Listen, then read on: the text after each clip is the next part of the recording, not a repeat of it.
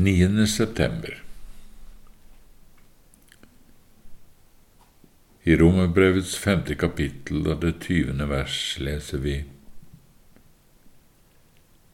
Loven kom inn ved siden av for at fallet skulle bli større. Men der synden ble større, ble nåden enda mer overstrømmende rik.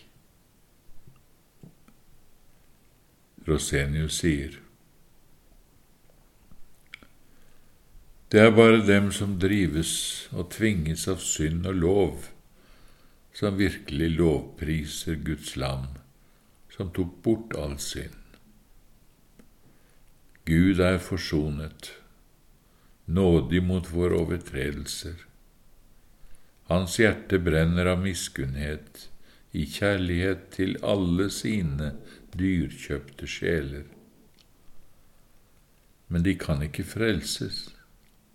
De søker ikke til fristadene uten at de jages og drives av blodhevneren.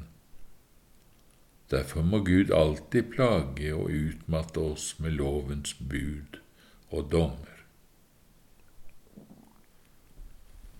Josef brant av kjærlighet til brødrene da de kom til ham i Egypt, og han var straks innstilt på å hjelpe dem men gjennom sin tolk talte han hardt til dem. Han lot dem bli bundet og fengslet.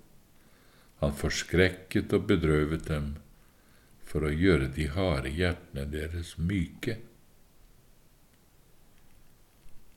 Slik må også Herren gjennom sin tjener og tolk Moses forskrekke og fengsle og tvinge og bedrøve oss men det er ikke av hjertet han plager og bedrøver menneskenes barn. Alt det loven sier, det sier den for at hver munn skal bli lukket igjen, og for at hele verden skal stå straffskyldig for Gud, og at synd skal flyte over. I Romerbrevets syvende kapittel viser apostelen oss hvordan loven får synden til å flyte over. Der ser vi at loven ikke bare som i et speil viser oss synd, men også gjennom forbudet vekker opp synd som hittil har sovet. Vekker den opp til aktiv kamp for at den ikke lenger skal få skjule seg, så synderen tror han er syndfri. Jeg levde en tid uten lov, og da var synden død. Men da budet kom, våknet synd til live og virket all slags ondt begjær i meg. Og nå er synderen straks blitt svak og hjelpeløs, han som før var så selvsikker og selvhjulpen, så stolt og så kristelig nå er han plutselig så svak og hjelpeløs at ingenting i verden kan trøste ham. Nå blir livet i synden som før var så kjært for ham, bare bittert. Det fremmede landet er blitt en slagmark. Men nå blir Faderhuset kjært for ham, ja, til og med tjenerstillingen der og så mye godt som kommer ut av at synden flyter over. Og dette modnes ikke fram gjennom lovløshet, men gjennom loven. Til dette er loven god, men ikke til å avgjøre menneskene gudfryktige, men ikke til å gjøre menneskene gudfryktige. Merk deg, og husk det for alltid at Skriften sier Loven kom inn for at synden skulle flyte over. Og merk deg, ikke overvinnes, men flyte over. Slik at akkurat når du blir bedre, så blir du bare verre. Når du vil være hyggelig og hellig, blir du tvert imot uhyggelig, og synden flyter over. Når du vil elske Gud, da kjenner du på hat, eller i alle fall en forferdelig kulde i hjertet ditt. Når du vil være god og saktmodig, da koker bitterhet i deg. Når du vil være ren i tanker og hjerte, da vekkes all slags ondt begjær i deg. Du vil være sønderknust og ydmyk, men da blir du steinhard, stiv og full av hovmod. Det er dette Paulus kaller for at budet som skulle gi liv, det ga meg bare død. At synd kunne bli grenseløst syndig ved budet. Og dette er den rette virkningen av loven når den treffer hjertet. Men nå passer det liksom på ingen måte, midt i en slik tilstand av synd og elendighet, å ta imot nåde. Og derfor vrir sjelen seg til alle kanter for å finne andre utveier.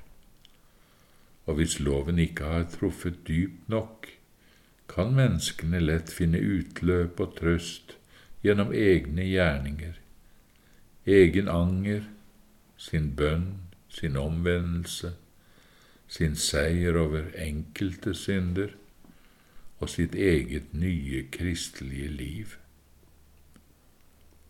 Slik blir et menneske en fariser. En blir opptatt med ytre gjerninger, i diakonal og religiøs virksomhet. En annen har sin frelse ved botsbenken, i tårer, bønner, forsakelse, ydmykhet, ved å ta avstand fra verden.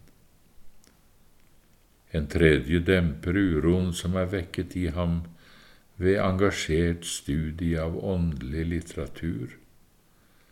Han samler kunnskap og klar åndelig lære uten selv å ha smeltet sammen med budskapet han tok til seg. Nå er tiden inne for Åndens overbevisnings- eller straffende embete. Alle disse helgenene skal loven overbevise. Om hva da? Om synd, fordi de ikke tror på meg. Ånden skal åpenbare for dem at selv om de har gjort alt noe dødelig menneske kan gjøre, om de har angret synd så de kunne gråte blod, om de har bedt dag og natt på sine bare knær, om de har tuktet seg selv på det strengeste, kjempet til blods mot synd, nektet sine øyne å se, sine ører å høre, sin tunge å tale noe som helst unyttig, nektet sin munn å smake og hele sitt legeme å nyte noe som helst unyttig, om de har gitt alle sine eiendeler til de fattige og brukt all sin tid på sin nestes behov, om de har profetert i Jesu navn og gjort mange kraftige gjerninger i Jesu navn, så skal Herren med sårene i hender og side fordømme dem og si:" Gå bort fra meg, dere som gjorde urett, på grunn av synd, fordi dere ikke trodde på meg.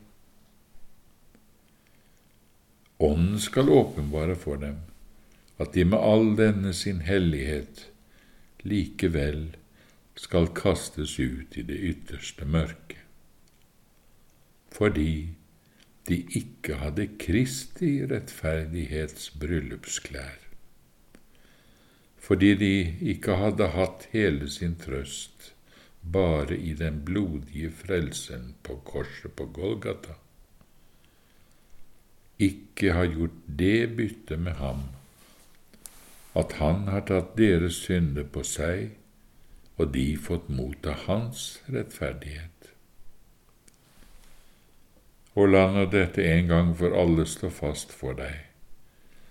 Hvis ikke hans gjerninger er dine gjerninger, hvis ikke hans anger, hans bønner, hans lidelse og død er blitt ditt, da er du evig fortapt.